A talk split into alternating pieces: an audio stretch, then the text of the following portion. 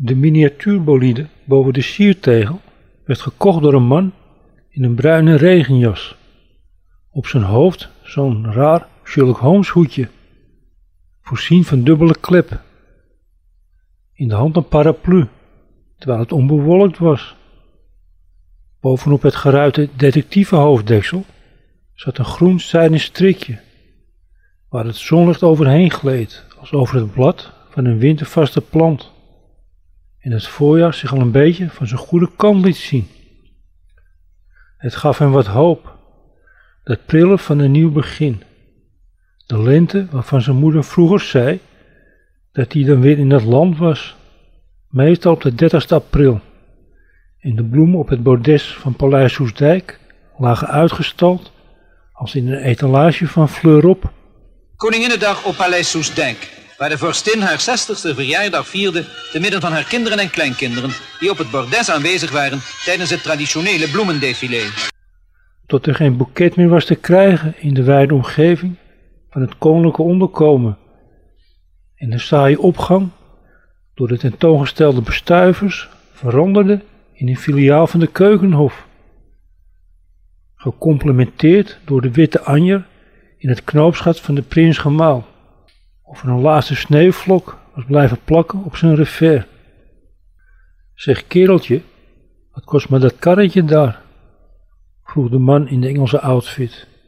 Het klonk een beetje bekakt, wat het juist iets komisch gaf.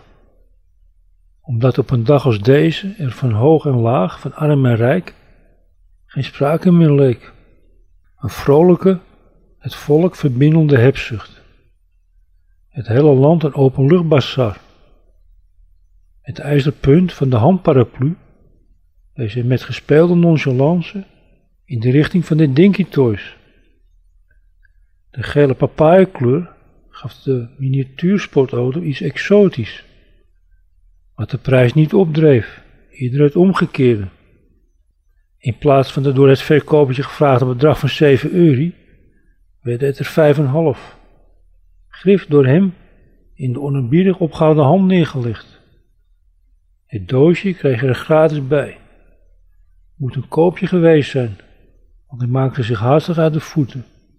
Blijkbaar bang dat de verkomende partij zich bedacht. Dat GTO'tje stond morgen waarschijnlijk voor de driedubbele op een digitale veilingsite als Marktplaats of eBay. Niet de tegel, daar was niemand in geïnteresseerd. Hooguit interesseerde hem de kloof die het onbedoeld symboliseerde tussen heden en verleden. Prins Klaus bijvoorbeeld was in de 30 jaar voor het oog van de fotocamera's van de verzamelde roddelpers van een knappe jonge vent een kromgebogen tobber geworden, die liever dood was dan een halfbakken koninklijke marionet. Misschien had hij het daarom helemaal niet erg gevonden dat hij de kelder van de nieuwe kerk in Delft was ingedragen als laatste plichtpleging. Daar hoefde immers geen lintjes voor geknipt te worden, wat hij een beetje badinerend zijn core business noemde in een laatste televisie-interview, met de starende blik van een diep ontgoocheld iemand, die maar beter niet meer op een paleisbalkon kon verschijnen. Persmuskieten die dan het plaatje van hun leven konden schieten, terwijl dat van Klaus ophield. Of er moesten een paar behulpzame lakeien met een vangzaal onderstaan, waar hij zich graag als vrijwilliger voor had aangemeld. Al was het maar om te blijven geloven in het wonder van blauw bloed stromend door de aderen van de leden van het koninklijk huis. Aangetrouwd of niet, maar treurig was het natuurlijk wel. Op de haarlijn tussen kroon en hoofd zat over de hele lengte van de wanddecoratie een barst. Het raakte aan een boek dat de perfecte aanvulling van de gehavende koningstegel was. Toeval dat het beschadigde kunstwerkje naast een journalistieke fotoreportage lag over de rellen die toen als op afspraak uitbraken. De hevigste sinds het Jordano-broer wat de samenstellers blijkbaar tot inspiratie diende wat betreft de titel. Het Kroningsoproer stond er met dikke witte letters op de kaft. Het leek hem onwaarschijnlijk dat de verkoper, een joch van een jaar of twaalf, dertien, met een omgekeerde honkbalpet op het hoofd, enig benul had van de historische parallel tussen tegel en boek. Broederlijk naast elkaar liggend op een doorzichtig plastic zuil vol vouwen en kreuken, waaronder vaag het woord bezet was te zien. Schuin boven en in de stoep verzonken putdeksel van het gemeentelijk waterleidingbedrijf. Vecht links. Maar die tijd was wel geweest, bedacht hij niet zonder leedvermaak. Net als de door linkse republikeinse activisten gebezigde leus van oranje naar rood. Gezien de doorslaggevende rol die Den Uyl als premier had gespeeld in het behoud van het Koningshuis na de Lockheed-affaire, was eerder het omgekeerde het geval. Nadat premier Den Uyl de diensten heeft gememoreerd die de prins ons land heeft bewezen, en voorts heeft meegedeeld dat deze al zijn militaire functies en die in het bedrijfsleven zal neerleggen, voegt hij tot slot aan zijn verklaring onder andere nog het volgende toe. Eerlijk de feiten onder ogen zien maakt niet zwakker, maar sterker. Het rode in de politiek dat oranje kleurde, in de sport al een vanzelfsprekendheid. Of er nu gewonnen werd of verloren op het voetbalveld door het nationale elftal, oranje was de overheersende kleur op de tribunes. Net als bij schaatsen. Alleen waren tribunes daar dan vaak iets minder goed gevuld. Maar er was altijd wel een verdwaalde fan in een lege ijspiste in een ver en koud buitenland met een oranjekleurige pruik op het hoofd, die alleen feestwinkels in de aanbieding hadden. En dan nog met een flinke korting en het leek of de drager te veel peen had gegeten bij het uitzitten van de 5 de 10 kilometer. Met slavenwekkende regelmaat gereden door een boerenzoon uit Friesland of Groningen. Na afloop van de krachtmeting veranderd in een wandelende reclamezaal, maar dan wel op een koninklijke ondergrond. Net of het Huis van Oranje de echte sponsor was van het festijn en niet de melkunie. Een betere marketing was nauwelijks denkbaar. Nee, als iets de moderne monarchie kenmerkte, dan was het wel de combinatie van nationale identiteit en commercie. Een noodzakelijke kniebuiging voor het veiligstellen van de troon tot ver in de volgende eeuw, en het liefst nog veel verder. Een van de weinige houvasten die men nog had in een tijd dat al het andere net zo snel veranderde als de kranten die erover schreven van eigenaar verwisselden. De meesten vanwege de dalende oplage in het digitale tijdperk, ver onder de prijs verkocht aan de hoogstbiedende. Vaak een schatrijke Belgische familie, waar taalverwantschap al niet goed voor was. Bij hem was de liefde voor het koningshuis iets waar hij liever niet mee te koop liep. Goed dat ze er waren, maar dat schreeuwde hij als intellectueel niet van de daken. Laat staan dat hij een oranje shirtje aantrok of een hoge zij opzette in de kleuren rood, wit en blauw, zoals sommige van de bezoekers op de vrijmarkt. Hele groepen uit de provincie die als bij een uitwedstrijd van hun favoriete voetbalelftal zich hadden uitgedust in de clubkleuren. Eentje had zelfs een kroon op het hoofd, half verzonken in een pruik met rode pijpenkrullen, die ook van Marie Antoinette had kunnen zijn, maar dan na de onthoofding. De half mislukte aanzet tot een polonaise richting het schafot van een podium, waar een half benevelde volkszanger een eigen versie van het Wilhelmus ten gehore bracht, wat nauwelijks te verstaan was door de belabberde geluidskwaliteit. Familie van Oranje, zijt gij al lang niet meer. Knas piep. Gelukkig maar dat de techniek hem in de steek. Het gos was er niet minder om. Een groepsgevoel dat weinig met traditie te maken had. En al helemaal niet met de liefde voor een historisch gegroeid iets dat zijn wortels had in de oorlog tegen Spanje. Inmiddels vervangen door het EK. Een paar eeuwen terug een Europese finale van twee keer 40 jaar met een rust van 12. Gevolgd door de bekeruitreiking in Münster, waar niemand nog warm voor liep, bedacht hij smalend. Niet zoals hij vroeger als student op de Pedagogische Academie met een zwak voor vaderlandse geschiedenis, gedoseerd door een leraar die zei dat niet jaartallen de belangrijkste gebeurtenissen markeerden, maar eerder de vraag wie hiervoor de kosten zal opdraaien voor een te voeren oorlog, waarvan helemaal niet zeker was dat die ook gewonnen werd. Het volk dus. Niks verkwistender dan te moeten dokken voor een verloren veldslag.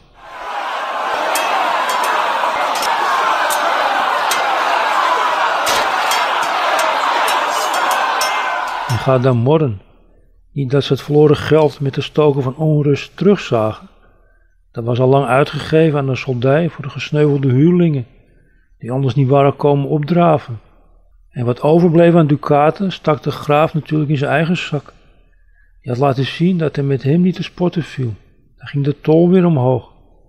Net als tegenwoordig de BTW, wanneer er weer eens een infrastructureel project te duur uitviel vanwege graaiende bouwondernemers. Wat hij altijd een beetje een onluisterende conclusie had gevonden. Historie teruggebracht tot de inhoud van een beurs. Toen tolheffing, nu belasting. Behalve dan op de vrijmarkt. Wat dit niet tot een koopje maakte helaas. Voor het overgrote deel stevig geprijsde Forden en Prolaria. En de aanbieder al rekening had gehouden met een behoorlijk lager bod van een eventuele koper. Uitgezonderd het bier, daar ging geen dubbeltje van af. Geschonken nog wel in een plastic wegwerpbeker. Die zette hij van geen goud tegen de lippen, net of er geen druppel alcohol in het druipnatte kunststoffen kokertje zat. Eerder doodgeslagen vruchtensap uit een literpak van de Jumbo, zorgend voor een soort van namaakdronkenschap, waar het halve land aan leed op de verjaardag van het staatshoofd. Bier diende getapt te worden in een glas of pul met een flinke schuimkraag klaar uit. Net als dat een vorst of vorstin weer regeringsverantwoordelijkheid diende te krijgen. Dat was nu eenmaal zijn overtuiging als pedagoog van de wat straffere hand. Een no-nonsense opvoeding. Of dat nu was van een kind of een heel volk. Met als dragend fundament een autoritaire puurheid in plaats van een slappe democratische verdunning. Iets dat hij beter niet van de dagen kon schreeuwen. Dan werd hij nog gekort op zijn wachtgeld. Toen een clubje luidruchtige feestvierders behangen met oranje slingers hem passeerde, keek hij snel de andere kant op, oogcontact vermijdend, voor ze hem nog in de feestvreugde betrokken en hij voor een rondje opdraaide, bij de buitentap verderop, maar ook uit verlegenheid. Helemaal vanwege de nepborsten in een rood-blauwe BH, gedragen door een jongen met op zijn hoofd een plastic klomp.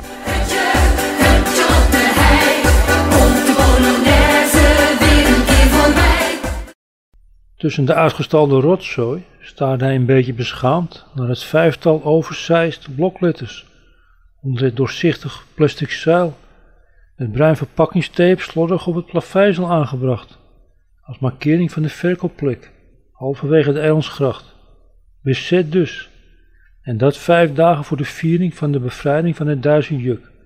De trottoirs waarop de kleine commissie onbewust de draak stak met de rode-blauwe uitbundigheid op 5 mei. Waar nogal schijnheilig over werd gedaan. Helemaal tijdens de kranslegging op de Dam, de avond ervoor. De Tweede Wereldoorlog als iets om zich als goede vaderlander op de borst te kloppen. Na het met een brok in de keel aanhoren van de last post. Gevolgd door een ongemakkelijke stilte van twee minuten.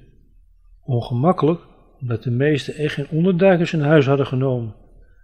Bang voor de gevolgen, wanneer ze verraden werden door de buren.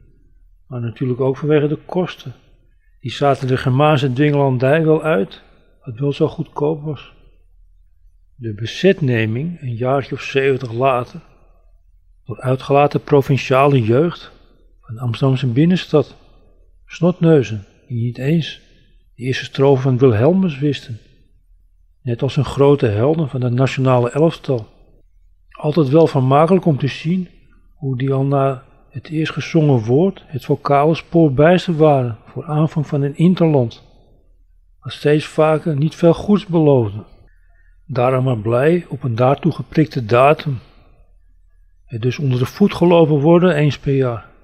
De grootstedelijke braderie, dat een bedenkelijk visitekaartje achterliet op de tegels tot de borstelkarretjes van de gemeentelijke stadsreiniging over de stoepen waren gereden en de laatste stukjes op het plaveisel geplakte blokletters werden geschraapt. Bezet of niet, een gebrek aan historisch besef dat hem vanuit opvoedkundig oogpunt bitter stemde, maar ook niet meer dan dat. Ondanks zijn pedagogische bedenkingen was opvoeding nu eenmaal een proces zonder vast omlijnde regels. Een voor tijdgeest en omstandigheden afhankelijk gebeuren waarbij de nodige flexibiliteit bedracht diende te worden door ouders en leraren voor het verkrijgen van weerbare volwassenen die tegen een stootje konden. Kon hij dat als academicus? De monarchie in ieder geval wel als aanwakkeraar van lokale koop- en eetlust. Want wat er ook veranderd was in die dertig jaar sinds het aantreden van Beatrix, te veel om op te noemen, van communicatie tot mobiliteit, niet de handelsgeest van de onderdanen, jong en oud, dat zich in de koninginnenacht op straat en pleinen een weg naar buiten baande, zonder dat er ook maar iemand rijk van werd. Maar daar ging het ook helemaal niet om. Volk van kleine kooplieden en etmaal lang bevangen door een vrolijke, niet te belaste hoop op een kleine winst. Nog steeds verwisselde volstrekt overbodige prelaria van eigenaar als vast onderdeel van de koninklijke kringloopwinkel. Nog steeds werd het richting de Dam steeds drukker en men voetje voor voetje door de Paleisstraat om een bakje met feestvirus voorbij de timpaan van het oude stadhuis getild te zien worden.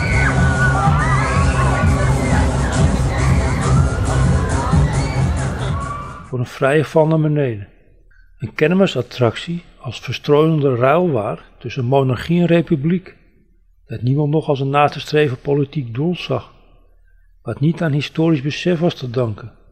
Had een kleine enquête gehouden met als enige vraag in welk jaar het stadhouderschap erfelijk werd en niemand wist het antwoord op een toevallige leraar geschiedenis na. Wist hij het wel? Het moet de 18e eeuw geweest zijn, ergens in het midden ervan.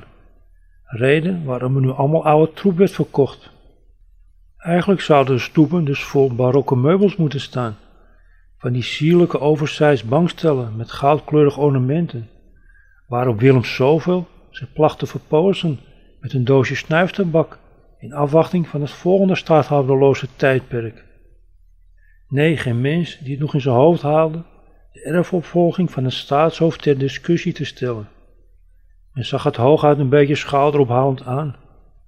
En zo nu dan wat kamervragen over een vermeende verkwisting van belastinggeld voor een wat al te royaal onderhouden paleisje of koets. Wat je ziet uit het rapport van die externe expert, dat jaarlijks minimaal bijna 60.000 euro exclusief btw nodig is voor het standaard onderhoud. Wat niets afdeed aan Lodewijks oranje gezindheid. Dat zat er diep bij hem ingestampt, bijna net zo diep als de heipalen onder het paleis op de Dam in de drassige veengrond. Dat stond nog steeds na zoveel eeuwen waterpas tussen Nieuwe Dijk en Kalverstraat, tussen hedendaags ordinair en een beetje deftig. Net zo waterpas als de monarchie die het voor ontvangsten en recepties gebruikte, terwijl de muren in toenemende mate de sporen droegen van wildplasserij. Nog een paar vrijgezellenfeesten in het centrum en het gebouw was een ruïne.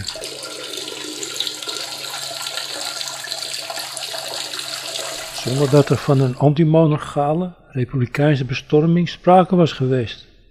Vandaar de schotten eromheen, als houten piswand, waarachter een fikse opknapbeurt gaande was.